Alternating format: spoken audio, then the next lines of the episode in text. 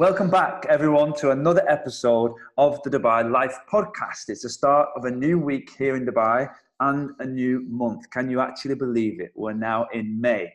Where the hell has 2020 gone so far? I don't know. I've been out this weekend on viewings in Dubai Hills, and yes, it's official. It's absolutely roasting here in Dubai. The summer is well and truly kicking in. So, on the show today, we have a good friend of mine and actually former colleague, Mr. Nick Purvis.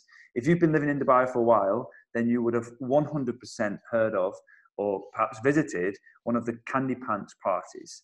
Uh, Nick is the guy that helped start this whole craze off in Dubai. He's the current marketing director and host of the new Candypants podcast that can be found alongside the Dubai Life podcast on Apple, Spotify, and any other platform you use. So definitely go and check out the Candypants podcast. But first, let's get into it. Richard, come on then. How's your weekend been? How's your week going? What's been happening, my friend? Hi, Liam. How are you? I'm really well. Good, good. Yeah, it's similar to you.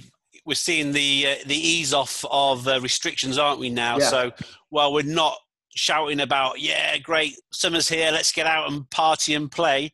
You know, we are seeing a lot more activity out there, and our business is picking up, isn't it? I mean, like you, I've been out viewing for the first time, not getting too close to my clients, which probably is a good thing from them. the but we're elbow bumping from afar, the air bump yeah. from afar, and all this kind of stuff. Um, that's, that's, a yeah. good question, actually. How are you handling that awkward stage where you used to shake someone's hands and yeah. greet them? What are you going with? Are you, are you yeah, funny, it isn't there? it?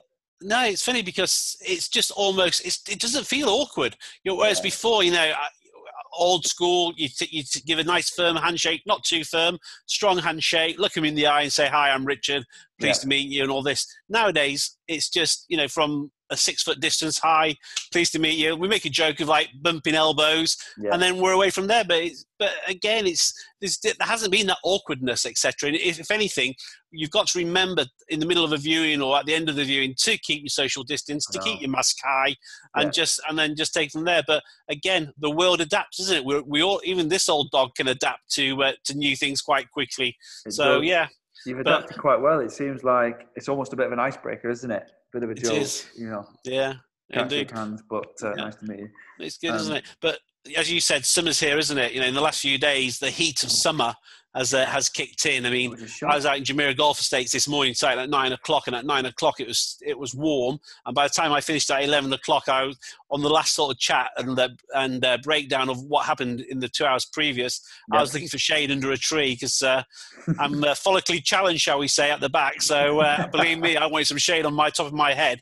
Summer is here. So yeah. typical way, isn't it? They've probably opened the beaches now when it's like you know roasting hot and too hot to be used, but yeah. I think we are getting there. I think you know throughout the world we are beginning to see restrictions lifted, and yeah. is no different. Yeah, yeah, I have to agree. It's uh, the big thing for me was being being locked away in my one bed apartment for the last five weeks. You, you kind of we kind of missed the last. I think April is usually the last good month of fair weather, and then you know it just seems to be uh, particularly humid at the moment. And yeah, the weekend was absolutely uh, a shock. I was sweating like crazy. No more suits for me. I've decided. I'm going mm. with the shorts and uh, shirt combo. Yeah, and, and, indeed, isn't that another way? I mean, I've been out again. Like, hope our, our bosses aren't listening, but again, uh, I'm not wearing suits and ties anymore. I'm not, you know, because again, it does it does count to a certain yeah. measure. The, the, as soon as you, you, get out the car, the first impressions do count. Okay, yeah. so uh, of course, you know, you get out your car in a nice suit or shirt and tie, but the minute a, a good broker opens his mouth, there's yeah. so many bad brokers in Dubai. The public go, do you know what? You know, he, he, looks like he looks like one of us because they'll be in shorts and t-shirts and flip-flops. He looks like one of us, but more to the point, he talks sense. Yeah. Re- I hate seeing dandy brokers who who turn up looking like a dandy and yet haven't got a first clue about product, about product exactly. knowledge. You know, again, I'll turn up and I'll turn up in my polo shirt, my shorts, etc. I still think I look quite presentable. Yeah. But hopefully, within the first sort of two minutes, one minute even, people think, mm-hmm. you know what, this guy knows what he's talking about. He's worth listening to. Yep. So again, I, really but what I'm trying to go, go back to is, you know, before we had to wear suit and ties and top shirt, top top button buttoned up, etc. Yeah. But it, it's about the quality of service, about the information we can give to our clients. when it comes down to it, you're exactly right. And I always, I like to wear a suit and look presentable, but during the summer months, I, uh, I yeah, I can't do it anymore. It's just too Mm. much. And even the clients, you know, we turn up, especially when you're viewing villas with no AC. See, even the clients will be completely shocked that Right. you, you've come in a suit, and it's just not practical, is it? Yeah.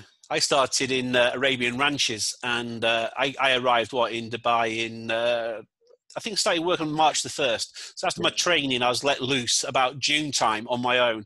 And in those days, I used to meet four clients, and we'd do four about four villas each for each client. And of course, the minute you move out of the villa, you turn off the AC to get your DEWA deposit back. So of course, these are concrete boxes just soaking in, you know, sort of 45 degrees worth of sun Yeah. outside it's 55 or 50 inside it's 65 and like instantly you know no matter what you wear hence always wear dark clothes if you're going to go to uh, do do viewings in empty villas Great instantly it was like somebody turned a tap on and like you know and I, don't- I, I don't glow or sweat too profusely, I must admit. Yeah. But other clients and uh, you know even myself, you know, it was we were just drenched, you know, and it's quite dangerous as well. I can remember that day doing 16 viewings. By the end of the day, I couldn't even get myself at, at the stairs. I was uh, uh, on the last villa viewing. I was saying, "Look, help yourself, go upstairs." And I got home and I felt so ill. I sat under the aircon, huge big liter of uh, water, re- re- rehydrating. So Yeah. again, summer's coming. Be sensible. Yeah. No matter who you are in Dubai, be sensible because if you don't know, it'll creep up and get you.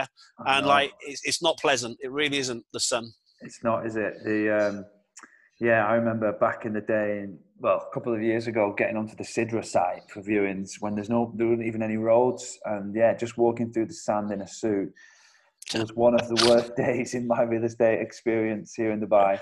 But I I've got the video. I've got, I've got the video. I can see you sort of emerging from the distance in your suit over dunes, over sand. Exactly. If you if you go down my Instagram enough, you get to a picture where I, the, the AC actually broke in the middle of July, driving around, uh, driving on Sheikh Zayed Road. The AC broke in my car, and it was absolutely awful. It was like I was sat in a sauna in the middle of traffic with a with a suit on, pants stuck to the seat. It was awful, and there was just no, no. You open the window, and then it blows hot air in. You close the window, and it's just like uh, like a sauna. There's just no no no break No from escape. it. It's awful. No, Uh, do you know what? One question I always have here is right. So, obviously, electric's amazing and it helps us all survive. But what about in the day, the locals living here Mm. in the Middle East with no electric, no cold water, no Yeah. AC? I think it But- would be impossible. But here's here's the thing, isn't it? it? Here's the thing: necessity is the mother of all invention. Yeah. And like, you go back to the Heritage Centre in Dubai, which is very interesting, and they're actually spending uh, good money in, in turning it into a tourist attraction. You actually see the original wind towers, and I'm talking in uh, Naif, I think it is uh, Al Das, the, the two barrios. I wouldn't recommend that we go rushing there today, but uh, these are the historical areas of Dubai on the creek, and this is where the original heritage houses of Dubai were. Yeah. Uh, and they've got the wind towers, and they, they built the towers to like attract the wind in. And then as the wind came down the towers, they had wet soaking material Ah, to pick up the wind, which were like fanning, and then that would blow the cold air because the, wind hitting the cold Yeah, yeah, wet yeah, material would then blow cold air through the living quarters. So that's how they did it. That's how they did it. So that's Yeah, how I- survived. I've always wondered that, and I, mean, it's not it's not going to be like anything we've got today, but it must have just Yeah. been enough to get by. Yeah, And apparently, it was a British guy who brought the first generator to Dubai in about the 1950s, I think, after the Second World War. So it could be late 40s, early 50s. And uh, he had fun and games getting the first generator again on the creek in the in the old part of town up and running, and all the local people being Must have been a absolutely fascinated with, uh, with with electricity and generate being generated from this generator. Yeah, he was. So hence our relatively close ties to this day which, just which, yeah. which in fact brings me on nicely to another nice tie from our past and to our future yeah. with what uh, Sheikh Mohammed's just done, which I've just remembered. You link that in extremely well, like a pro. Thank you, Liam. Thank you. We're getting good at this, aren't we? We're getting good at this. Indeed. Yeah. Um, so tell us about that then. What's what's been going No, on? Seriously. Uh, you've got with, yes. uh. Sheikh, Sheikh Mohammed, he's, he's very kindly bought and sent 60 tons of personal protection equipment to the UK. Amazing. So again, as, as an act of solidarity between two old friends yeah. that have seen the good times and bad times together, that you know he's, he's standing square with us, which again is humanitarian, isn't it? It's it's amazing. It's so nice to see, and it just reinforces what people don't always see living back home in the UK. We've said it before many times. Just the tolerance and the acceptance that's here in Dubai, and just yeah, uh, yeah, it's brilliant. Yeah. Really, See, really yeah. great gesture. Here in Dubai, you know, it, it, it is a society where you know success is is is welcomed, hard work is welcomed, go get, go get, go get. But having said that, on the flip side, there is a caring side and there is a lot of support. Another thing that caught my eye this week was uh, you might have heard of this the the it's called the tallest donationbox.com. You know, yeah, they're trying to t- yeah, they try to turn the Burj Khalifa into the world's tallest donation box, and by by what they're trying to do is uh, sell light bulbs. They want to sell 1.2 million lights on the Burj Khalifa, all to be lit up, and they're selling the light bulbs. You know, at uh, I think starting at 10 dirhams a pop. Probably pop's Amazing. not the right word to use on a light bulb, but there's, they they are um, selling the uh, the lights on uh, Burj Khalifa for starting at 10, 10 dirhams, and they want to sell 1.2 million lights, and they sold 200,000 already, wow. and all the proceeds go to certainly the 10 million meals initiative uh, started by the government for Ramadan, and yeah. also uh, COVID charities as well to like help the needy. So there is always, always, especially at Ramadan as well, there's always a good charitable cause being led by the leaders, by being be led by some very successful people who don't forget where they came from. Yeah, awesome. Yeah, it's really good to see the the um, what's the right word? The generosity that comes with yeah. Ramadan, which is part Indeed. of Ramadan that people don't always yeah. associate it with. But yeah, yeah. But, but, I think I think as well the world has opened itself up. I mean, family and friends are more important after what we've gone through. I mean, look at uh, well, he used to be uh, Captain Tom Moore, didn't he? Just turned 100 captain. the other day. Yeah. Now, Colonel Tom Moore. Colonel, yeah. yeah I thought that was a lovely touch. You know, for what he's done, he's, he's last I checked, he, would risen, risen, he'd, he'd, uh, he'd, raised over 31 million pounds G, GBP pounds yeah. for charity for the causes. He set out to raise 10,000, no, 1,000 pounds by walking around his garden. Then it was 10,000, and now we're standing at 31 million, and he's just turned 100. And, and again, he just got promoted by the army, didn't he? As a yeah. as a as a beacon to all people. So he got over 140,000 birthday cards. That's ridiculous, It's amazing, isn't it? I saw the RAF flying over. I think if I was him, I'd have to say, look, you know, 31 million. I'm going to keep a million uh, for me and my family. I hope that's understandable. Um, I feel like I've done enough. That. no, no, no, no, no. Yeah, great job. No, it, there's quite Again, a lot of people doing different things though on a smaller scale. A lot of like the athletes and stuff doing. I've yeah. seen people doing triathlons around the garden, yeah. and you know it's really good to see. A lot Joe, Joe, P, PE with Joe Wicks. Uh, and his beautiful wife now, who, as you can see from this athletic figure, that I do my pee with Joe Wicks every day. But uh, they are, you know, they're they're doing fantastic. And again, every every penny helps if it goes to the right cause, doesn't it? They're yeah. raising tremendous money amount for the National Health Service, and yeah. so many other star celebrities are doing their bit as well. It's it's been a it's been a very tough time for the world, but some good things have come out of it for sure. Yeah, hundred percent, hundred percent. Any any news on? I mean, nobody knows. Still to this day, we do not know when this is going to come to a, a, definitive end, and I don't think it will until we get a vaccine. Which who knows how long that's going to mm. take. But everybody is always asking and trying to find out where is there some light at the end of the tunnel.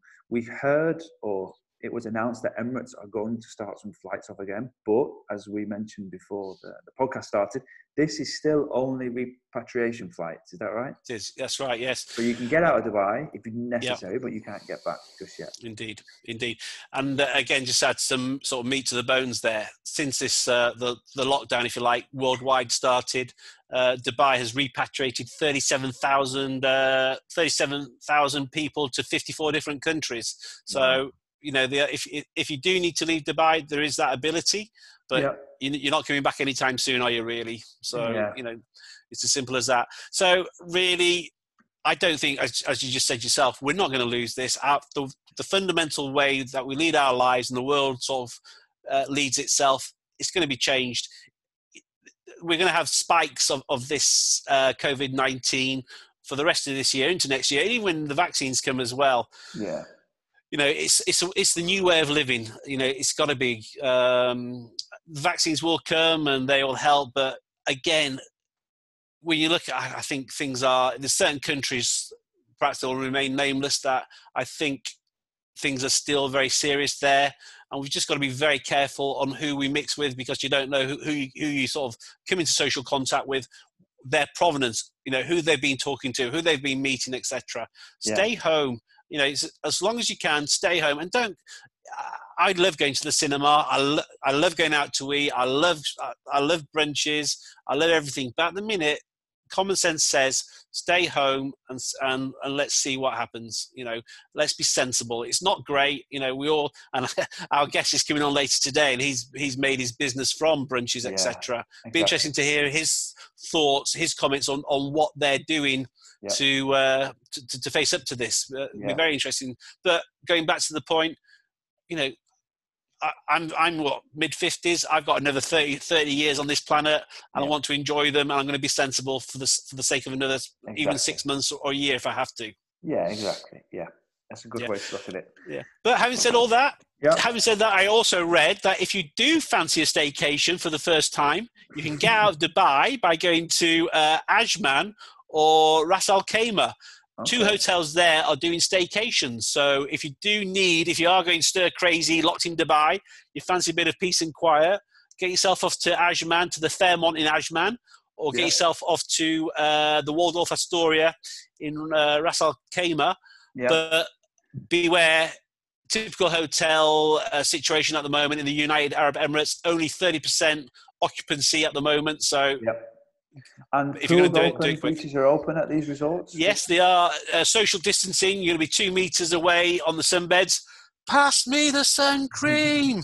no, but seriously, common sense. I think uh, hopefully partners will be together. But the restaurants are open there. The pool, the beaches, the sunbeds are there, but they are going to be social social distance apart, two meters. Okay, interesting. So it might be nice for people to get out, especially if they've been in an apartment and not really been able to get out and enjoy the weather or what's left of the weather. Um, have you been? Have you been to any of those hotels? Do you enjoy staycation? Uh, I yes, yes, I have. I've been. I've not been to those two. I've been to Abu Dhabi a couple of times for just one night to see the culture the next day at the at the Louvre, Louvre, and seen the the Grand Mosque, which was fantastic, very yeah. peaceful, yeah. very tranquil, and like you know, I enjoyed the so yeah I enjoyed my, my trips to Abu Dhabi, and then I went to uh, the Kingfisher Lodge, which I won't say too much about because I don't want everybody else discovering it. Um, that is an absolutely fantastic hidden place. Gem is it? It is a hidden gem, big hunting lodge. Well, safari lodges, hunting lodges directly onto the beach. There's only 20 of them. Uh, beautiful. It's all in, the, in like canvas, etc., but proper. Uh, yeah. Beautiful plunge pool. They see, I'm, I'm, telling my secrets, and like before I know, I, I was able to get myself in there. But, as we speak. Yeah, yeah. Kingfisher Lodge, uh, lovely, great place. Love it over there. Interesting. I haven't indeed. heard of that before. Um, yeah. Right. So quickly, I know we always do this. I think we yes, need to leave do. ourselves a bit of a bigger gap. But uh, I'll let you go first on this one because usually I take over here and we never get yeah. to your point. So we've got now we're up to 20, 10 to 30 million dirham budget. Is that right? It is indeed. Okay, so we've been given a magical gift of 30 million dirhams. Where are you going to spend it in Dubai and why? Okay, as I say, I'm not going to go. To, I'm going to straight for straight for the kill. I once showed somebody a, a contemporary seven bedroom mansion in District 1. And I'm, you know, I'm old school. I'm, I'm from a farm in Yorkshire. I like green and peace, hence my Al Barari from the segment before. But yeah. I saw this contemporary, brand new built, seven bedroom mansion with a nice sized plot, beautiful pool, sub- subterranean parking for four or five cars, plus other bits and pieces. Uh, but the beautiful, most beautiful thing about this was a great contemporary, great design, massive high ceilings. Yeah. But outside, great plot. At the bottom of the garden, there's a gate down for five, six steps, and then you're onto a beach. And just off the sand, beautiful soft sand, is the lagoon. I think everybody's heard about District One Lagoon, Yeah. the world's largest man-made swimming pool, seven kilometers long of fresh water. You can waterboard, you can kayak, you can swim. It's fantastic. It's like where else in the world do you see that? And then what really sold me, I turned around. There was this beautiful contemporary villa, and then the backdrop was Burj Khalifa and downtown. And I just, we, in fact, all three of us just stood there and went, "Wow, Yeah. Dubai. This is Yeah. Dubai. Right, that's me. Right, you, what would you spend your money on? I have to agree that the, the lagoon that they're building at District 1 is super impressive. I don't is. think too many people know about it. If you're not living in Dubai, you're probably not. You, you probably wouldn't have seen it. Um, even if you are, you probably wouldn't have been into District One unless you've Yeah. got friends there. But it's going to be amazing. And, and uh, here's a fact: I've actually, I think I was probably one of the first people to swim in the lagoon. I did a video on the uh, Mediterranean Mansion. Yeah. a huge 85 million dirham mansion. It's on my YouTube channel. You can see the link here. Nice, nice. Um, but it's uh, it, it was ice cold. It looked like a really nice day, but I can honestly tell you it was ice cold. But I guess uh, yeah, it's just something that you'd never get to do anywhere else. And uh, seven kilometers of fresh water. It's Yeah. just out of this Amazing. world. Going to And, and, you on the map and again. I mean, all District One's going to be serviced by the new mall, isn't it? Which it's got the ski run, mall. ski run, Biggest- two or three times as long as Mall of Emirates. Yeah, I think three times bigger than the Mall of Emirates, which just blows my mind. Yeah. Um, they've got. Have you ever yeah. done that? Are Uh, you a skier or a snowboarder? You know what? I can ski, but I've only ever done indoor skiing. I've never actually been out real skiing. But I remember I learned to ski because we had, uh, I was doing business at college, and part of the course was to prepare, plan an event. So we all decided as a group to do an event at uh, the Chill Factore in Manchester. Okay. And I had an argument with somebody to say that, look, skiing's pretty easy. I'm sure anybody can do it. It's not difficult. And they're like, you can't ski. You, you, know, you, you've got to practice. You can't just turn up and ski. So I got, uh, I got, I got some lessons booked to ahead and, and thought that it would be easy. And I went straight into the advanced class, stood at the top of the chill factore in Manchester with not a clue what to do, and started off, started to build up speed on my first run down. And What yeah, a straight line? straight line Oh God! couldn't stop uh, until I hit the barriers at the bottom. And uh, yeah, realised at that point that you do need a little bit of practice to, to You, do, you, you need a little bit of skill for the old traversing across do. the slopes, don't you? Yeah. You do, but I did. I did pick it up quite easily, so I can ski officially. But yeah, never been on a ski trip as such. But Yeah. I'd definitely like to try the the the Emirates one, and then in the future Yeah. try the, Yeah. the new world's biggest indoor ski. Yeah. Now, Um, again, I, I used to go skiing when I was younger, and uh, I've never snowboarded, but I think I'm too old for that. So, Yeah. well, you're never too old, but I think I've got a 20 year old son, so I always say, "Come on, John Marco, get snowboarding." I just want to see, almost Yeah. like live my dreams to him. Come on, John Marco, get snowboarding, get snowboarding. But yeah, those days will come. Snowboarding is pretty. I think snowboarding is too cool for me. I Yeah. the only people that snowboard, uh, you've got to be super cool. It's, uh, mm. It looks very, very. It looks a lot of It fun, does, but I'm doesn't sure it? it's Yeah. not easy. Right, I'm going to have to keep my answer on hold till next week because we've now got Nick Purvis on the call. So let's add him in and have a good chat and catch up with Nick. So there we go. He's uh, usually a bit of a delay. Nick, can you hear us? Are you on? You on mute? Hiya, mate. How are you doing? I'm good, mate. How are you? Yeah, good, thanks. How, how's everything? You're back at home, right? You're in England. Yeah, yeah, mate. I got the last flight back, luckily. Um, Did you? How long you been there? God, how long have I been here? It must have been Since the lockdown started, right? since the lockdown started, so maybe like maybe like four or five weeks. Yeah, it'd be about five weeks. And, and how Right. long were you expecting to go back for? I didn't really have a set time, you know. So basically, long story short, I had a lot of operations last summer, Right. um, and I need one more. So I kind of thought, like, well, I need to come back anyway. So Yeah. I'll come back when I get it done. Um, whether how, how however long lockdown goes on for, I'll get the operation done at some point, and then come back. Um, so I I didn't really have it. It's quite flexible for us, so I can be anywhere really. So Yeah. that time, it was just kind of I'll go with it and see what happens. So it's been it's not a massive. Nick, Nick, I've got to say one thing. I think you're the first person we've had as a guest who's wearing a, a Nick Cable jumper on, on, on, on, a podcast. Everybody in Dubai, it's like, I think it's like 37, 39 degrees today, so everyone's in t shirts and you're making people feel hot wearing a jumper. Yeah. Newcastle is very different from Dubai, as you can imagine. And you're looking fresh as well. You've had your hair done, which uh, not you know many what? I actually had to that try and cut it myself, so it might No look way. okay on here, but if you get close, it doesn't look okay. It looks all right from the front. It's a brave move, mate. It's a brave move to cut yourself. Um, yeah, because we saw each other, didn't we, at the Atlantis just before all this madness ensued. And my friends were staying. They managed to get the last flight, the very last flight back to Manchester, uh, which was really lucky because they would have been stuck here the whole time. I don't know what would have happened. Um, but yeah, it just seems to have gone crazy since that day. So how are you guys finding over there now? I mean, I know they've lifted this lockdown a little bit. Yeah, it's to be honest, like I can't complain too much. It's not been that difficult. Everybody, uh, I'm, I'm in a one bed apartment in Marina Gate, um, which seems like it might be difficult, but we've got the balcony and everything delivers in Dubai. I think it's been much easier here than my friends have had it back home because literally I didn't step a foot out of the apartment for four weeks, but it was fine. Like we got everything ordered. Uh, didn't really feel like it was too difficult, to be honest. yeah. I think you found it harder, Richard, right? Um, no, th- again, it's there's a lot worse places. I've got a, s- I've got a nice garden, so I can chill out. And as Liam said, everything now, I mean everything. And this is where Nick's going to come in, but everything's deliverable, even your brunch experience. We're trying little bits, but yeah. Some- Different though, isn't it? You know, you, and you do miss that. You know, again, and you know, I'm not a great bruncher, but I have actually been to about three candy pan brunches, which is probably at least two times more than any other bridge I've been to.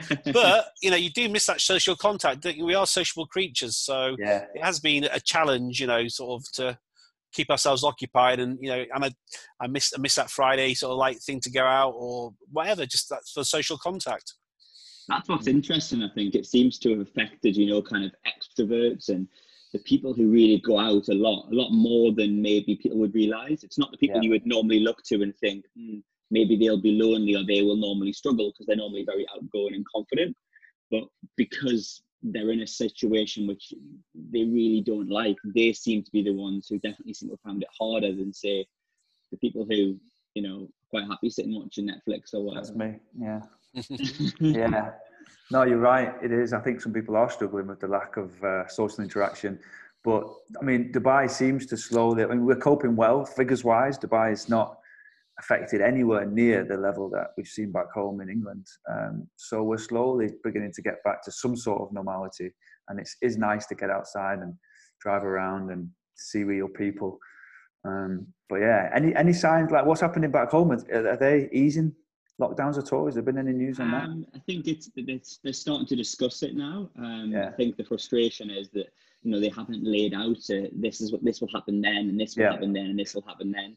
Which you know, someone said this to me the other day and I thought it was quite interesting. They said, "Look, if I said I was going to punch you in the face as hard as I could, and you could choose, it would either be right now Yeah. or at any point in the next 24 hours." The punch is exactly the same, but not Yeah. knowing when it would come would be so much worse. And I Yeah. think that's what people are struggling with, just the not knowing. Yeah. Um, again, like for, I'm aware that all the candy pan stuff will be the last thing ever to get Yeah. lifted. Yeah. So for me, I'm kind of Yeah. like, right, well, you just go Yeah. with it and see made what it'll with be. it. But um, but yeah, I think it's just the uncertainty that's bothering people. But um, in terms of when it will be, I honestly, I mean, like I say, my guess is as good as anybody else's. But I think that they're talking about it, but how how it will play out over the next few weeks, who Yeah. knows? I'm sure it'll be very gradual and, and slow and obviously hopefully uh, well considered and thought out. Um, right, well let's let's get into it a little bit more about you, Nick. Um, obviously you're back home now in Newcastle, and that's uh, that's home for you. How did uh, how did it all kind of start off with um, with the industry that you're in now, with kind of candypants and, and that kind of thing?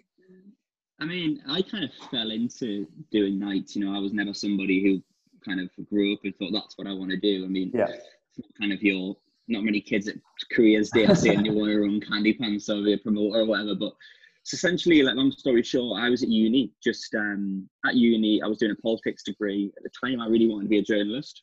Nice, Um, Politics? That was what I wanted to. A politics degree, yeah.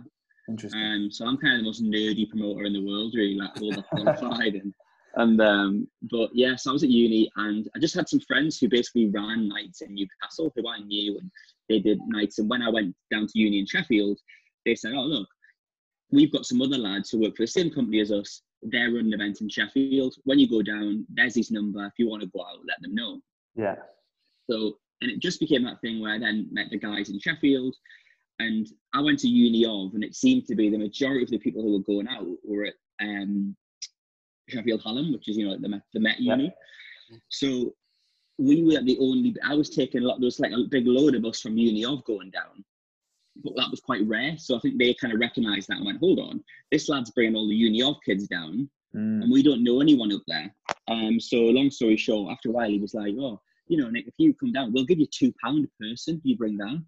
you know, I was probably like 18, 19. I'm thinking two pound a person. There's like 30, there's 30 of us rocking up here. and they're like, oh, you can just have drinks or we'll give you drinks and stuff. So I was thinking, oh, this is all right. And then it went from there. And then they were like, oh, well, why do you want to maybe like work on the door? And I mean, you know, they gave me a clipboard. So I thought that I was the most like important person yeah. ever. Um, and then from there, basically a new nightclub opened in Sheffield. And they just said, look, we've been offered this new night uh, a new nightclub, it's not really going to be a student night. It's going to be very different. Um, it's going to be more high end and more like a cocktail bar type thing rather than an average student night that's you know sticky floors like big room type thing. Yeah. Um, they were like, "Would you fancy running it?" So I was like, "Well, I don't know anything about running nights, but you know, kind of my my uni course was six hours a week, so I was like, well, You've got the time. Fair enough, you know what I mean. And I kind of thought I could make some money, so I did a bit of that for a while. And this night just kind of like took off, and I mean, I just kind of got quite invested in it, and I was really interested in how it worked and you know how how you could get the business side of it. Yeah. it just did pretty well, and then Candy Pants had been running for quite a while. Uh, that launched in 2008. Okay. Um, but Candy Pants was a lot more premium. So Candy yeah. Pants was very much that kind of young professionals event. so Nick, Nick, Nick, so sorry. So what what was the birth? Candy Pants was was born in the UK, was it? Yeah, so Candy Pants started back in 2008 in Leeds, um, kind of built off the back of the recession, really, um, aimed at that crowd of young professionals. Very much kind of the gap was in the market of if you were a footballer and you want to spend lots and lots of money, there was something for you. Mm-hmm. And if mm. you wanted to go to, a, if you were a student and you wanted to do one pound drinks and go to a big room rave type atmosphere, there was something for you. And there was also a bar element in the middle but nobody had done the middle for a nightclub, which was kind of young professionals. It was accessible, but it was also a bit exclusive and that kind of thing. Yeah. So Candy Pants was built off that. Um, and it was in predominantly in Leeds, Manchester. And Ray, who owns Candy Pants, had said to me, Look, I really want to bring Candy Pants to Sheffield. You've got this night in Sheffield. Would you be interested in doing like a night together on like a bank holiday? Wow. And for me, I mean, I was I think I was like 19 or something. I knew what I was quite into nights by that point, and Ray Chan was quite a big person to me. It was like you know, the industry leader. This guy like, ran Candy Pants, and that was all over the UK. So I kind of jumped at that, and we just got on really well. And I liked the fact that you know a lot of people who run nights are just there to get pissed and just like yeah, yeah. it's a bit of a night out and a bit of a you know because they've got an ego or whatever. Um, but Ray, you know, it was a, it was a proper business, and there was real yeah. kind of an approach to it and a strategy to it and potential for growth and all the rest of it. And I just really enjoyed that. Um, and then it went from there really. So trying to keep, cut a long story short, we were we, the Sheffield thing started. I was still at uni, and then Ray kind of convinced me to go and work for Candy Pants in Marbella. So okay. wow. I did two years in Marbella, um, kind of working for both the nightclub that we worked for there and Candy Pants um, and did two years there where we do kind of pool parties, we do beach parties, do a lot of things in Marbella. But that was very much just a summer thing. Again, I was just kind of in between uni, um, like uni terms. I go to Marbella in the summer, and it seemed like a bit of a laugh. Um, but again, one of those things where I was probably earning money at that age, but I, you, I couldn't have got a uni part-time job and earn that kind of money. Yeah. Um, and I loved it. You know what I mean? Like, why wouldn't you? Yeah. Um, and then I suppose how did I end up in Dubai is just a classic 21 year old boy who like falls in love with some girl who thinks this is, she thinks this is the best thing since sliced bread. Turns out not to be. But, um, and she got a job for Emirates, and I was just kind of young and naive, and I was like, "Oh, well, if you're going to Dubai, I'll go to Dubai." Um, I've never even been, so. Um, and, and at this at this point, Candy Pants was it in Dubai, and you hadn't thought about is that right, or was Candy Pants So- being talked about? so Candy Pants had done little bits in uh, Dubai in about 2013. Mm. Um, so they'd kind of nipped in. Um, they did a few things at Cirque du Soir, which is one of the nightclubs there, and Movida. Um, But they were doing like once a month. But it was at the point where Dubai hadn't really taken off to where it is now. Marbella was at that point. And Mm. just as the dynamics of a smaller company, we were having to like fly DJs out there and a team out there, and it just almost made no sense to go all the way to Dubai yeah, um, at that point when we needed to focus on Marbella because that's at the time no one was really talking about Dubai.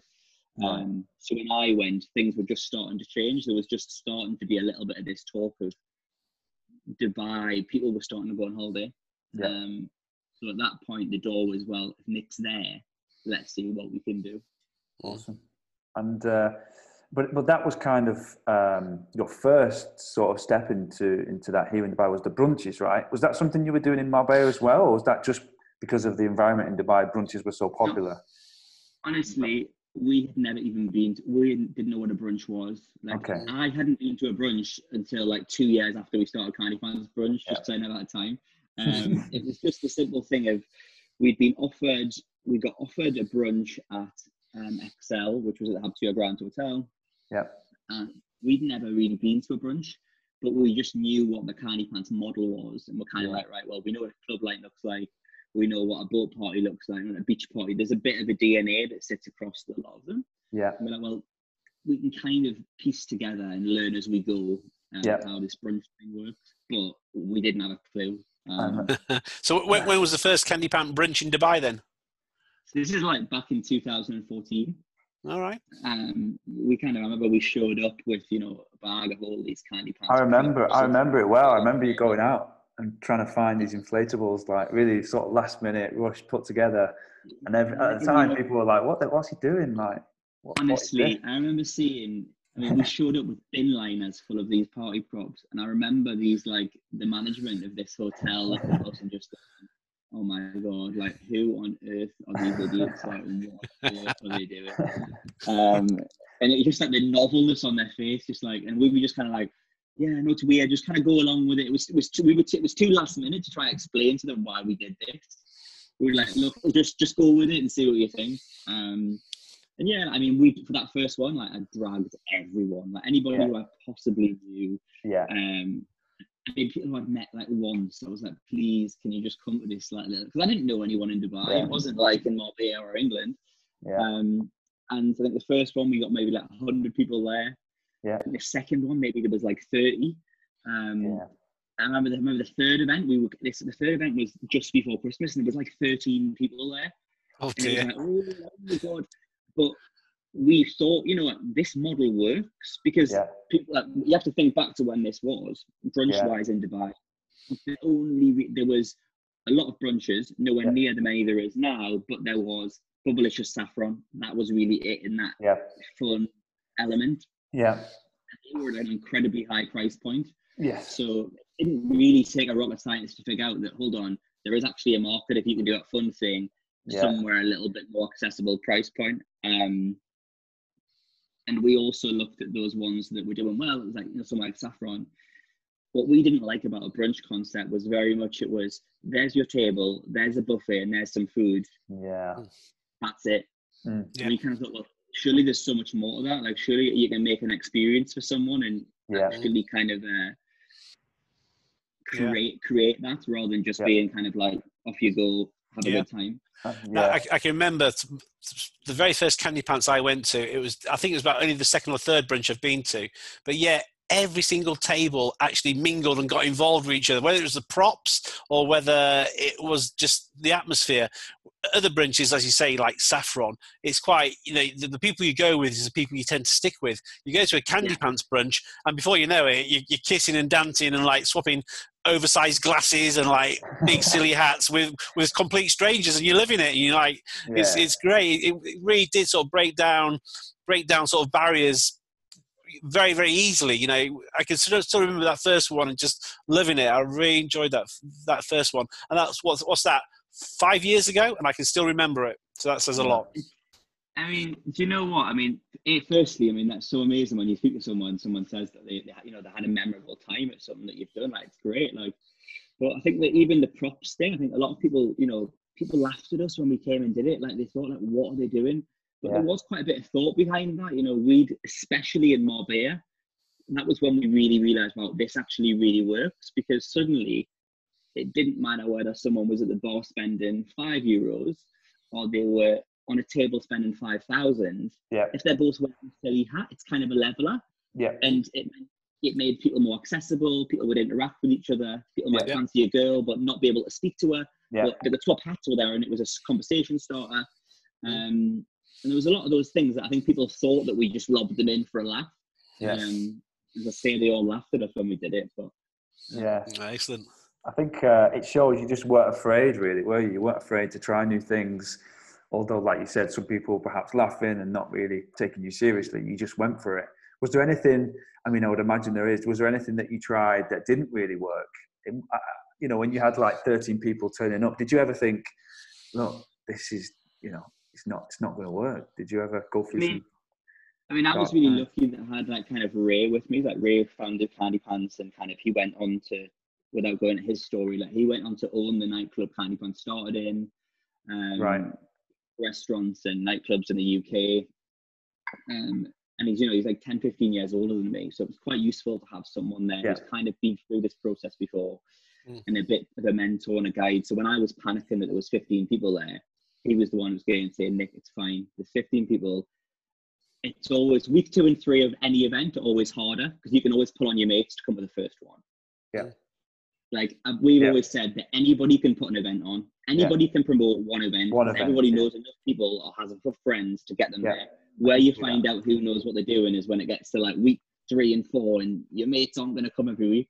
Yeah. Um, yeah, he was. So in terms of things we tried, I mean, I was like, I used to try different things every week that some people wouldn't notice. But I think the hardest thing we had, which we've only ever, which probably I think some people now will still be their impression, was the fact that what people don't understand about a brunch, for us anyways, we're just kind of a glorified marketing team. Like, yeah, we put on the entertainment and we do all the advertising, but you know, we weren't in charge of the food, we weren't in charge of the mm. staff, we weren't in charge of their bar service. Yeah. And that was really difficult because, you know, without putting blame on other people, there was an element of the venue we were with at the time they that wasn't their focus. They kind of did see us as maybe as a little bit of a cash cow, and they didn't understand that we really need to get this buffet better. Yeah. And unfortunately, we became associated with maybe bad food and maybe some bad drinks. But the blessing of that was we put so much thought into everything else. Maybe it's the wrong way because we had to pay for the cracks. Yeah. Um, true. You know I mean? True. Again, I think on the second and third, there was like one or two elements of that, but we came we came away still thinking, well, food wasn't great, but the entertainment was was fantastic. We had a good time, so yeah, a, it was a good Friday. Yeah, and I mean that was something that was quite hard for me because I mean I was quite personally invested in at the time. It was just me in Dubai. Like, I was there on my own, and anything that was like if there was anything that wasn't right, I used to used to really find it quite difficult to deal with. But when it was something like that, where it was completely not in our control, but mm. people didn't understand that, and not only they didn't understand it, they didn't really care whose control it was in. Mm. They would just look at it and be like, "Yeah, the food's not great," or this. But so that's why we. That's probably why it became so wild because Candy yeah. is wild. Yeah. We went purposely looked at it and went right. We need to find ways of because we figured out quite quickly that anybody will once they've had a couple of drinks, any issue was kind of less of a problem. Yeah. So we needed to try and narrow that gap and put as many layers on top of the perhaps not a great buffet or whatever else, yeah. or the tablecloth wasn't brand new. Yeah. Mm. we needed to put new things on top of that. I think, right, well, how can you distract from that? Um, Yeah. Which I suppose is why we got creative and probably what made it a bit more fun. So, how many sort of on an once Candy Pants was established? What was the average uh, head count? How many were you sort of like uh, producing for on a Friday? Uh, we were doing like roughly about 300 to 400 people. Um, I mean, we, it went everything from, don't get me wrong, there was some weeks where, you know, you'd have a quiet week that might be 100 odd people if you were in December or something. But, you know, I remember we did all up to a thousand people for a mega brunch, which Oh, certainly felt like thousand? it gone a long- a thousand people, um, which had gone a long way from the 13 people in the first December. So. thousand. Goodness me, yeah. That's got to be some sort of record in Dubai, surely. I- we did look into it. I think that like Al Qasr and stuff, have, you know, those ones that are just spread across so much Yeah, space. they seven different lot- restaurants. Yeah. Yeah. Yeah. Um, but when they're all in one space, it looks. I mean, a thousand people is a lot, a big number on a spreadsheet when you've got the Yeah. bookings. When Yeah. they show up, or I bet you slept well that night. I bet when it was over, you slept well that night. I bet you were stressed before, but collapsed in a heap at the end of it. Oh, I mean, I didn't sleep much in the week before. I tell you that. I was just because that was the hard thing because it was just me. I used to do everything. People used to book via email to my personal email, so it became a thing where it was like, well, I want to speak to Nick. Yeah. Yeah. So you can imagine that multiplied by a thousand people. It was just I knew if anything went wrong, it's me they come hunting for. Yeah. Um, Indeed. Indeed. So, so tell us some great stories or some disasters that you've managed to have uh, at the last minute. What, what, what's the funniest story you've had from Candy Pants experience? Put you on you the know what I mean? there. We get asked this quite a lot because obviously, like, there's just so many things. Like, I mean, I must like the big one that I think anyone can relate to is like to have Justin Bieber at the brunch was Oh, yeah, I remember that. Um, like you know he was. We looked at that after and went, you know, arguably he was probably the biggest celebrity on the planet. How did that time. How did that happen? How did that come about? So yeah, it's a strange story. So the day before, I started getting all these phone calls from this guy being quite demanding, and this is the point where we were kind of at our peak in popularity, and you could not get booked in for that brunch unless you booked in two or three weeks in advance. Unless, so they, but this guy's ringing me, this American guy, giving me like a really hard time, being like, "You need to get this table in, 14 people tomorrow," and I'm thinking, but he was asking a lot of weird questions like. What, what's your accessibility from the beach? What's your accessibility from the sea? How many exits do you have? And I'm thinking, And you had no clue who he was talking about. Like, the thing was, it got to a point where people were doing this kind of thing to try and get tables all the time. Right. Not as extreme as this, but you'd get people saying stupid stuff like, you know, I know the Habtoor family, or Yeah. so it was getting we're getting quite a lot of it. So I kind of just was like, look, in the end, I just said, look, I can't really help you much. Like this is my email. Um, it, I will email you tomorrow if anything comes up. And he's like, look, no problem. We'll see what happens. Um, anyway, I remember these, his email address ended it with the, the company. I just thought, you know, he'd rang me so many times, I was like, I'm going to look into this now. So I just Googled his email address, and it happened to be a Canadian um, management company. And I remember that Justin Bieber was on in Dubai that weekend, and just thinking to myself, isn't Bieber Canadian? Of it. And I've put in, I've just mentioned this in a management WhatsApp group to the lads, and just said, look, like I've had these phone calls, like obviously Bieber's in Dubai, and one of the lads famously said, look, if Bieber comes to brunch, it's more likely pigs will fly. Not a chance. Not a chance. And it- so we didn't think anything more of it. Again, the brunch was the next day. You're talking, it's probably like quarter past one, brunch starts at one o'clock. And the head of security for the hotel, um, who you barely, very rarely saw, came running down, sweating like in his suit, and he's like, um, um, Nick, um, Justin Bieber is coming now. And I'm thinking, like, eh? and they were like, yeah, yeah, he's literally walking through the hotel now. Um, so the Candy Pants girls were all there. They were like weeing themselves with excitement. I'm thinking, when is we going to put them? Like, what? Like, do you know what I Oh. mean? How awkward this going to be? We're not going to have a table for him. Um, luckily, like somebody hadn't come, and I was like, sorry, but snooze, you're losing this game. Like your table's gone.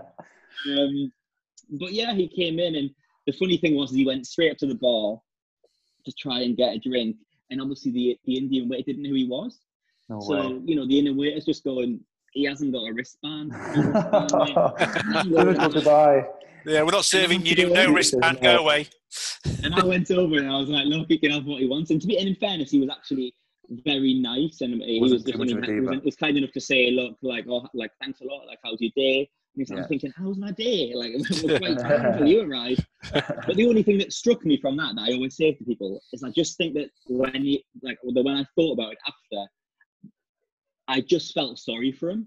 yeah. That, you know, people were, I mean, and there's videos that we've got, and people are like trying to, like, just Mm. walking past and people are trying to like get selfies with him and Yeah. um his, his he had his own head of security so i mean the kid was what 17 and he was there on his own with five security which made us think a little bit like isn't that a bit of a lonely life Bit sad, Yeah. isn't it? Really, in, in real terms.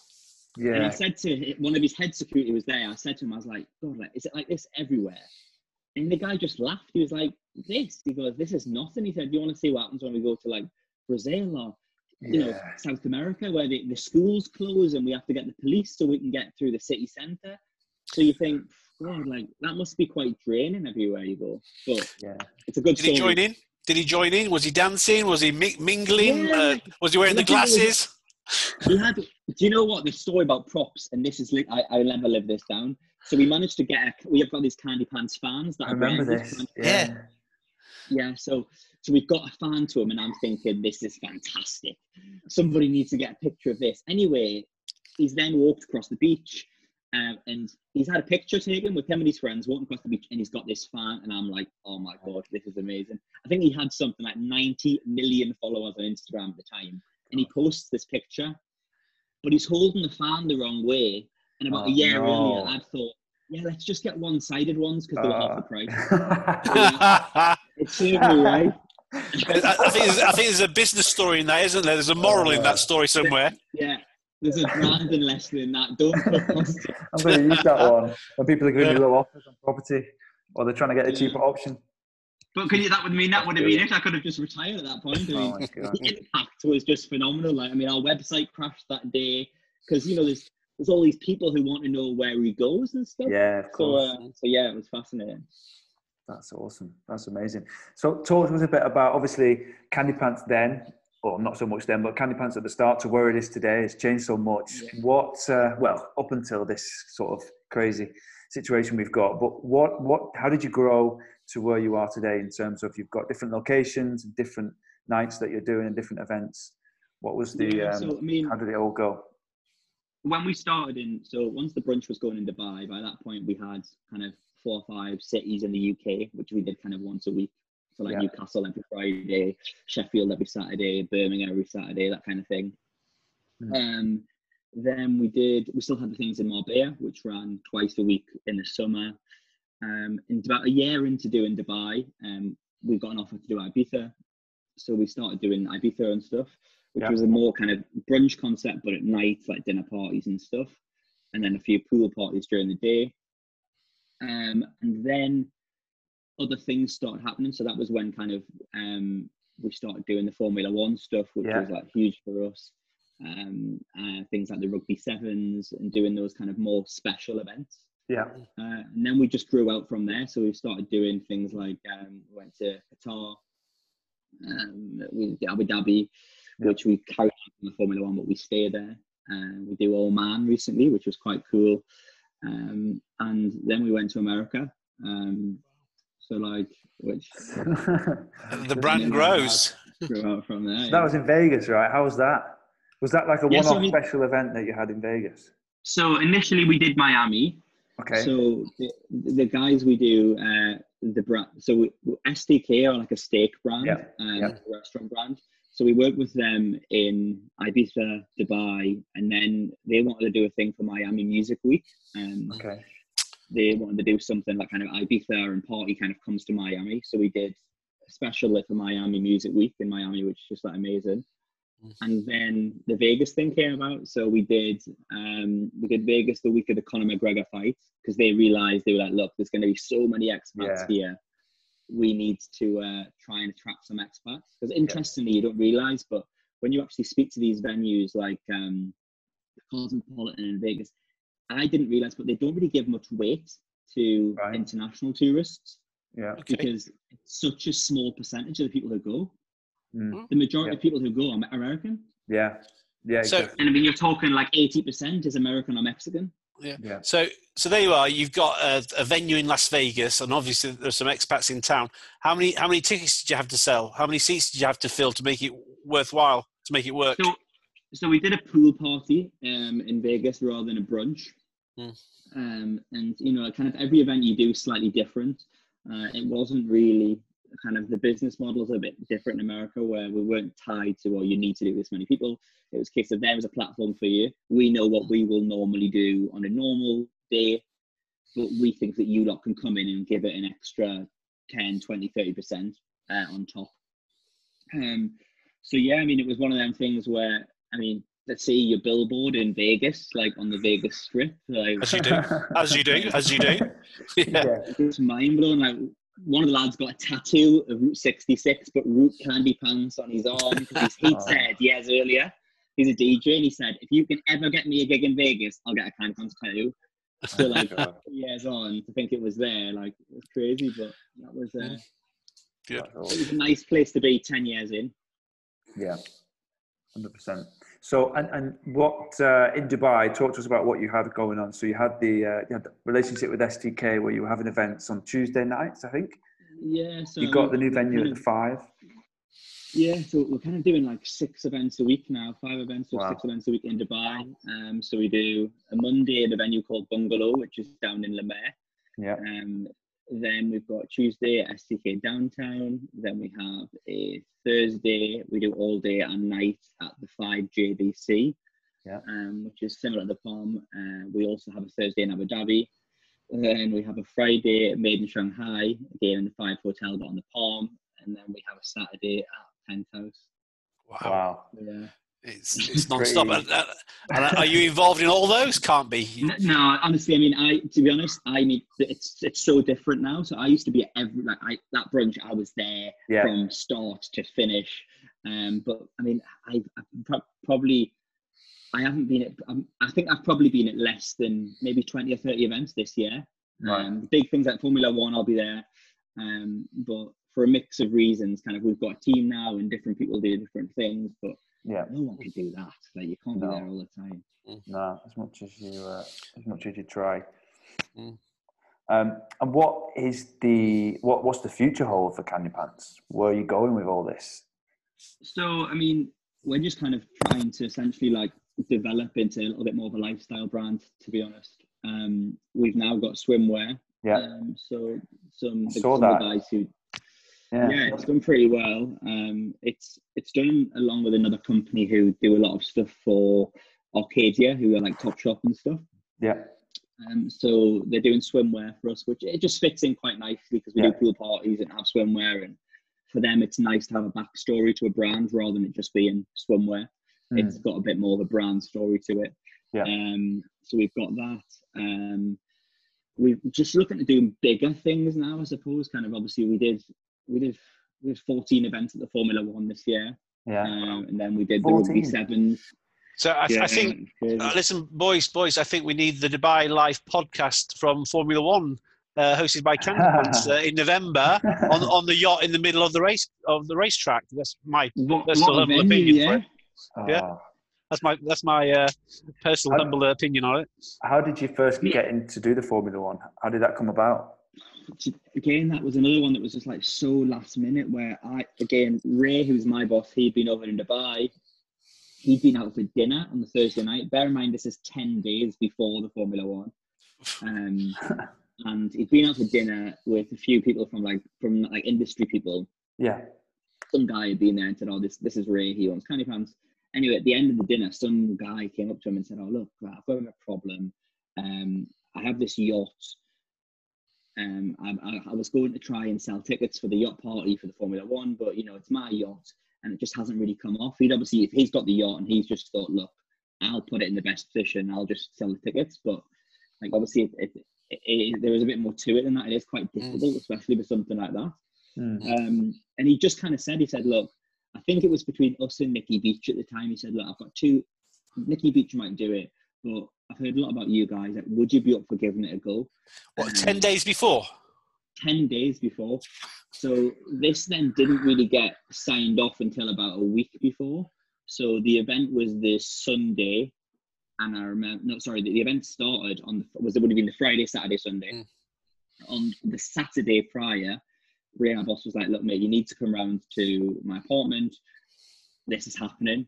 And we literally just had to sit. I think we sat for about 18 hours straight, just pulling everything like website details, pricing, artwork, DJs, who's going to DJ at what time, how are people getting there, all this stuff. And then we just banged out these e flyers. Um, and I guess we were a little bit lucky that year. It was the year where nobody was doing the yacht thing. Everybody thought there'd be something going on, but nobody had done it. So when we Right. put it out, suddenly it was like, oh, well, we'll do it. To get in. And we just enjoy. did that thing of just going like, it's probably the hardest we've worked kind of relentlessly for five days, just like bang, bang, bang, trying to squeeze everything out. And we somehow managed to pull it off. We just did the one day. We did the one, one, the one day. Yeah. Um, And how many how, how many did you attract in an intense week of marketing? I think we did about 500 or something on the boat in the end. That's It's pretty good. Like, um, and then so then the next year he was like, "Look, do you want to do the same again, but you can do all the days?" So we did all the days, and then this year we did all the days and all the nights, um, with the same guy really. So it's kind of just growing from there. amazing. Wow. Just shows you, doesn't it? When you get those opportunities, sometimes a lot of people just think, you know, "Oh, it's too much. We're not going to do it. But you just seem to have gone with it, and uh, and it's turned into something.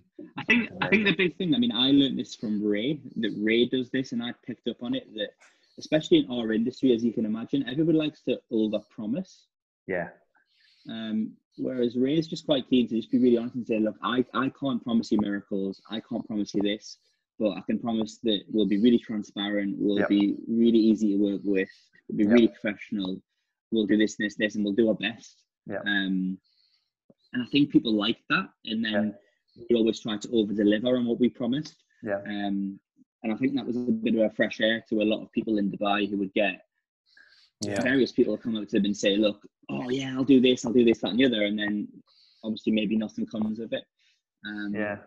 that's always just we've tried to do. Really, just try to be like good to work with and be positive and go from there. Really.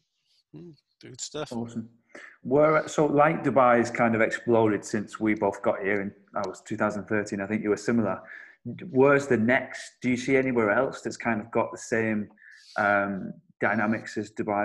Is there anywhere else you've got your eye on that you'd like to to move into? Uh, I mean, there's, there the is spot places, again. you know, like, um, like I think there's obviously other places in the Middle East which, Yeah. depending on what happens, Yeah. may may kind of emerge. Um, I don't think Dubai's going anywhere. No. Um, America still for us is the big one. Um, Yeah. Nobody's ever from the like nightlife wise from the UK. Nobody's ever really cracked that.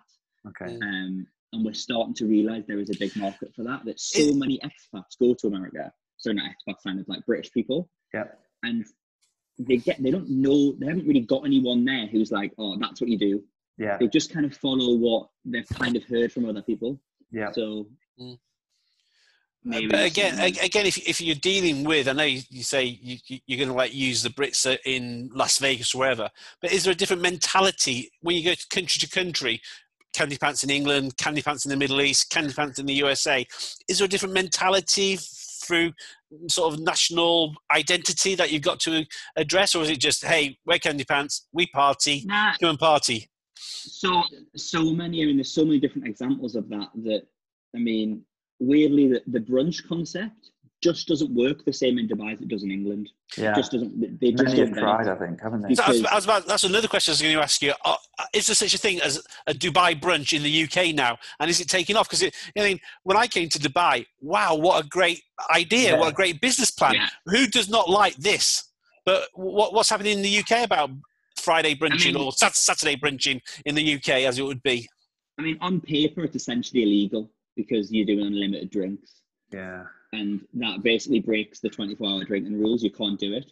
So there's various ways around it of doing things whereby you they pay a price and they get so many tokens, Yeah. and then they exchange those tokens Yeah. for drinks and things like that. So there's there's ways you can do it, but I, I just don't know if it's when people who are coming holiday to a brunch in Dubai, they're not expecting what they walk into, but because everybody else there has it has an under, they maybe live in Dubai and they understand what it is and they've got that freedom to think, oh, I'm, I'm going to go wild because that's what people do.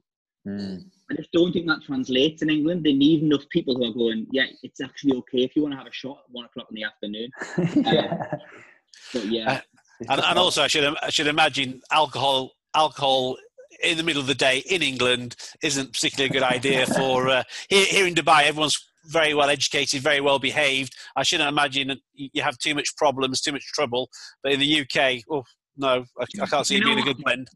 you know what? As well, though, it's kind of like it's just not the same with being, you know, at a really nice hotel in the park, the park and sunshine, to being in Newcastle in the wind and rain in February. Yeah, it's like Yeah, Yeah. true. it's a different dynamic. But I mean, the Middle East thing's been really interesting um, in terms of just going to different, even within the Middle East. You know, like Doha was incredibly different to Dubai.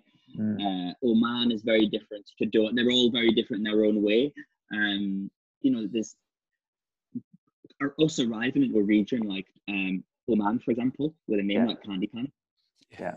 we do have to be a little bit careful, and it does raise some eyebrows. Um, there's two. There's a, there's a bonus of that. It's a huge talking point because Yeah. it's like this like kind of wild brand from device coming here. Nothing comes here like that. Yeah. Um, but at the same time, we were being watched. There was a number of things so we like we need to be really careful here. Yeah. Um, Mm. but it's a great learning experience, you know. Um, Just um, just just going back to the brunch idea in the UK, I had a we I got engaged last year, and we we planned to have uh, a big party back home, an engagement party. And I was thinking of what I could do, ideas, and there was a brand new venue which was really super nice. Um, and I thought I'm going to bring the brunch idea back to Dubai for an engagement party. So I called up the venue and I was like, "Look, uh, they, the girl that I spoke to had been to Dubai, and I think she'd been to Candy Pants." And I said, "You know how it works, right? So I want to give me a price per head, just unlimited drinks for four hours." um, and uh, you know I'll, I'll just kind of uh, we'll, we'll work it out. And, and they just wouldn't do it. And i didn't know why until you said that it's kind of illegal. But they did come back with the token idea. And i'm like no i don't want tokens. Just give me the price. Yeah, Um, and they're like well we don't know how much people are going to drink. I'm like well just give me like just kind of work it out per head. And they just didn't get the concept. Just just wouldn't work. So we had to um, yeah in the end we just had to do like the buffet and, and have drinks separate. But it kind of makes sense now that you said it's uh, almost illegal but like you said, people just weren't buying into the idea either. it's starting to come back. I mean, you're starting to see a few restaurants doing like bottom, Yeah. bottom bunches, and they'll do kind of they'll do prosecco based on the model of you know physically because of it's because it's fizzy you Mm, can only drink so much prosecco like physically Yeah. you know it Yeah, a, a very strange person to be able to drink three bottles of prosecco on their own yeah, um whereas beers or spirits yeah. you find a certain character and you're opening the floodgates on it just it just seems so mad that we're in the Middle East. You'd never expect this to be the place where yeah that's the place take where off. everybody can eat the yeah, it's never imagine it. Um, all right then. So look, this is obviously the Dubai Life podcast. Uh, you've been living here, I think, seven years now. Have you been in Dubai? About six i think yeah Six. I think you were just after me. Yeah, I'm seven. I was 2013. Um, so talk to us about your perfect day in Dubai. If you could plan it, if you had no restrictions and you know money was no object and you could just left your own devices, work's not a problem. What, what, what would you go? What would you do? Um, ooh, that's a good question. So I always say to people to try and do dune buggy racing in the desert. Really? I I've never done it. So we we did it once. We had all of the DJs over for a New Year's Eve, and we did it on the morning of the New Year's Eve. And we went out really early, so it was really foggy. And then as the fog lifted, we're out, and it was like being on Mars or something because it's just Yeah. desert as far as you could see. And obviously, the, the lads who didn't live in Dubai, even for them, it was just like this is insane. Yeah. Um, so I love doing stuff like that and just kind of getting out of Dubai and not doing like just like probably like anyone else. Yeah. I mean, I mean, your day job is that everyone's idea of re- of fun relaxation, isn't it? So the last thing you want to do on your dream day is do your day job. Yeah. it's strange. I've probably been to more brunches than anybody in Dubai, but I've actually only done maybe like two or three. Yeah. Wow. Yeah, As- it- as It's the last thing I really want to do. If someone Yeah. says, "Oh, what should we do on Friday?" Mm. But um, then so I've got planned full day. Yeah. Yeah. Lunch and Fantastic. dinner. Your favourite places to, to to to take your partner or yourself for lunch, for dinner, and how you how you spend the evening. Yeah, so let's think. So I mean, I would love to just start with something like that about the dune buggy racing. Um, I, I'm, I'm, I'll have to give myself a plug and say that I do love either, and this is me genuinely, I do like it that we have like a fright our new brunch after party at Made in Shanghai on their terrace outside. Yeah. Um, I just think that it's like the probably the best sunset view in Dubai on like when it's a nice clear day Overlooking the Um, marina. It's amazing, isn't and it's just like yeah and it's just and it's the, the venue's really nice and like the staff are brilliant um and it that's I just love it there so I'll probably say that as a nice little plug and then mm, where do I Nothing really wrong like with that. Dinner? yeah and then my favorite place for dinner at the moment is Flamingo Room in Oh yeah, I've been. Almaty Yeah. yeah Never been. Okay. Wh- wh- Their- Where their is it and what is it? really good. So there's a good. What's her name? Her name is Tasha. Um, Tasha. She, she's Yeah. got like a set of restaurants, hasn't she? Yeah. Um, I think she started off with Tasha's, but it's more of like a breakfast lunch vibe. They've got one in Okay. Dubai uh, Marina Mall now, but I think the Yeah. first one was in Jumeirah, and then I think Oh. she's got a Greek restaurant as well. Yeah, Wow. but yeah, I mean they- they've got the, the deco in that. Um, Oh, it's awesome. Tasha's flamingo room is like phenomenal. Um, and the food's really good as well. So Yeah. Did you try the um, what's the famous dish? The uh, is it lobster thermidor? It's literally like a massive big lobster with pasta inside it. yeah, Mm. I mean I wasn't ordering the lobster, so I mean maybe I need to. Next time, we'll have to try it. Yeah, Well, like my that. other one is that Three Fils. That's my thing now. That Three Fils. If you haven't been there, Uh, it's like a, the local place. Um, it's like a real foodie kind of called Three Fils, Three and it's fills. just it's dry. It's um and it's it's just like a really small local restaurant, and the stuff they do is just phenomenal. That's really really good. That would be my recommendation. Where's that? It's near where the you know where like the fish um kind of kind of a little where Burj Al Arab is. There's that Yeah. kind of like fishing area, isn't there? There is, yeah. just on there. I mean, you'd have, I couldn't tell you exactly if you just googled it, but um, Okay. it's really worth a visit. It's not expensive or anything. It's really cool. I'll try that. I'll try Definitely that so. definitely. There's a Good place tips. called. Um, there's like an old. It used to be a, just a shack. It's called Bu- Bukatar. Bu Qtair. Right. Uh, and literally all they serve is uh, is fried uh, shrimps and, and fish and one type of fish in like this this curry sauce and it's Yeah. packed every single night. It's really good value, but the the flavor is just unbelievable. You eat off like plastic plates and it's literally Yeah. just a shack. But you have you heard of um, Anthony Bourdain? Yes. He had his show and when he came to Dubai, he he went to that place and he said it's one of the best um, South Indian fish curries he's ever had. I'll Um, tell you another another hidden like gem. Uh, sticky rice in jail in JVC. Yeah. okay. It's fantastic. I was just there the other day, Really actually. good. Yeah, I got. I was doing some work up in JVC at the Five, had some viewings, so I actually uh, stopped by because my partner's Thai, and like Yeah. she really rates the food there. About virtually all the Thai, certainly all the all the Thai takeaways, for example. That's the place, and so I picked up some beautiful Thai food. Yeah, it's a very good shout. Very Yeah. good shout. Yeah, I love it because it's so small. It probably does like twelve covers or something, Yeah. and like Yeah. it's really cool. indeed. Awesome. Good, sh- good tips. Yeah, Very really good. good. Definitely Um, check out the Flamingo room and the free fi- fields. Yeah. And, and finally, Nick, I know you've dabbled in a bit of real estate in your time and obviously been living here for some time. Tried. Where- Not my fault. where's your, where's the dream place? Where would you like to live in Dubai? Obviously, some amazing houses, something that me and Richard always talk about if we had had the budget. Where would you go for? Right, I need to find out where this is, but we've got a friend who's my boss's friend who kind of is involved in Blue Marlin and stuff, and he's just like a very, very cool guy. Yeah. Like his wife's the editor of that Harper's Bazaar magazine, Okay. and he has just built. He now works for um, the royal family as like a lawyer and stuff, Okay. and Wow. he has he's building a house overlooking. I don't really know exactly how this works, and I've just seen pictures, but it's like phenomenal. So they're obviously building kind of a Dubai zoo, but it's not a zoo in the thing of you know Joe Exotic with you know um, kind of like Yeah. cages or anything. It's like almost like a wildlife park, and he's building a house that overlooks that. Oh wow. So it, you kind of you can still see the sea, you can still see kind of Dubai, but you've got this kind of almost like jungly thing. He's built a house on the edge of that, and it's just amazing. I love the thing of getting away from Yeah. the like the feeling like you're not in Dubai. That's like my favorite thing. If I can find Yeah. somewhere, I'm like, oh, I feel like I'm not. Yeah. Um, I get it. In the mix. Yeah. Oh, it sounds amazing. I think I'm. Is it um, Richard? You might know. Is it uh, what's that place called on your way to Abu Dhabi? Uh, with the the new um, they've got um, like there's deers roaming around. And it's This is where it is. It's yeah. Yeah, Al Jurf. Al Jurf. Yeah. Yeah, it's so it, it, it's coming, isn't it? I mean, halfway between Dubai and Abu Dhabi, just natural, beautiful wildlife forests and beaches where the local deer still roam. And there's been a very, I think it's to do with the Abu Dhabi royal family. They're actually developing there, aren't they? But very sympathetic and very sort of like in, in tune with nature.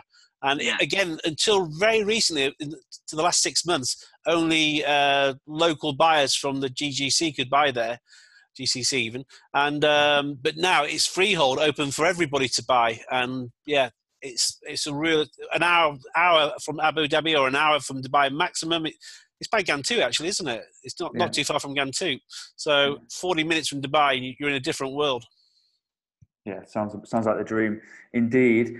Um, thank you so much, Nick. I really appreciate it. It's only taken me a year to get you on the podcast, Yeah. but we finally managed to do it with the lockdown. No, thank Um, you very much for having me on. Yes, That's brilliant, all I've been brilliant, Nick. alright. Thank you. Some really, that was a really good one. Yeah, Enjoyed really it. good. Where can people find you? Where can everybody follow you on social media? And you've got the Oh, podcast as well, the Candy Pants podcast. Tell us about that. Yeah, so we've just we've, we've launched just because obviously we're in lockdown, we can't do any events whatsoever. So we're just trying to be positive and just kind of do new things that we've wanted to do for a while. Um, so we've started two different podcasts. Um, we've got Candy Pants Radio, which is essentially a one-hour a week radio show, Okay. mainly new music that DJs are submitting, like their latest music. Yeah. Um, so we've got that, and then I've done like a little li- just a lifestyle podcast, which is again just a little one hour a week Nice. um, just speaking to people from our industry, really, um, Yeah. whether it be kind of like hotel owners, bar owners, restaurant owners, people who've done, you know, maybe like they're, they've been on reality TV and they're that kind of like, you know, that celebrity type thing, and just trying to find, I guess, kind of the persona behind the, like the real person behind Yeah. that public figure that people see. Yeah. Um, so it's been, for me, I mean, I don't really care if anyone listens, to be honest. I No, it's it. really So good. it's, like, Honestly, really I- I've listened to it. It's really good. And I know a few people, our friends over here as well, have said good things. So definitely keep it up. We're all enjoying it. Thank you very much. There we have it, guys. So thank you again, Nick, for joining us. Um, if you're listening on podcasts, if you're listening on Apple or Spotify, you can uh, please subscribe. If you're on Apple, give us a rating because it really helps with the rankings. And uh, yeah, until next time, thank you so much and see you all again soon. Bye.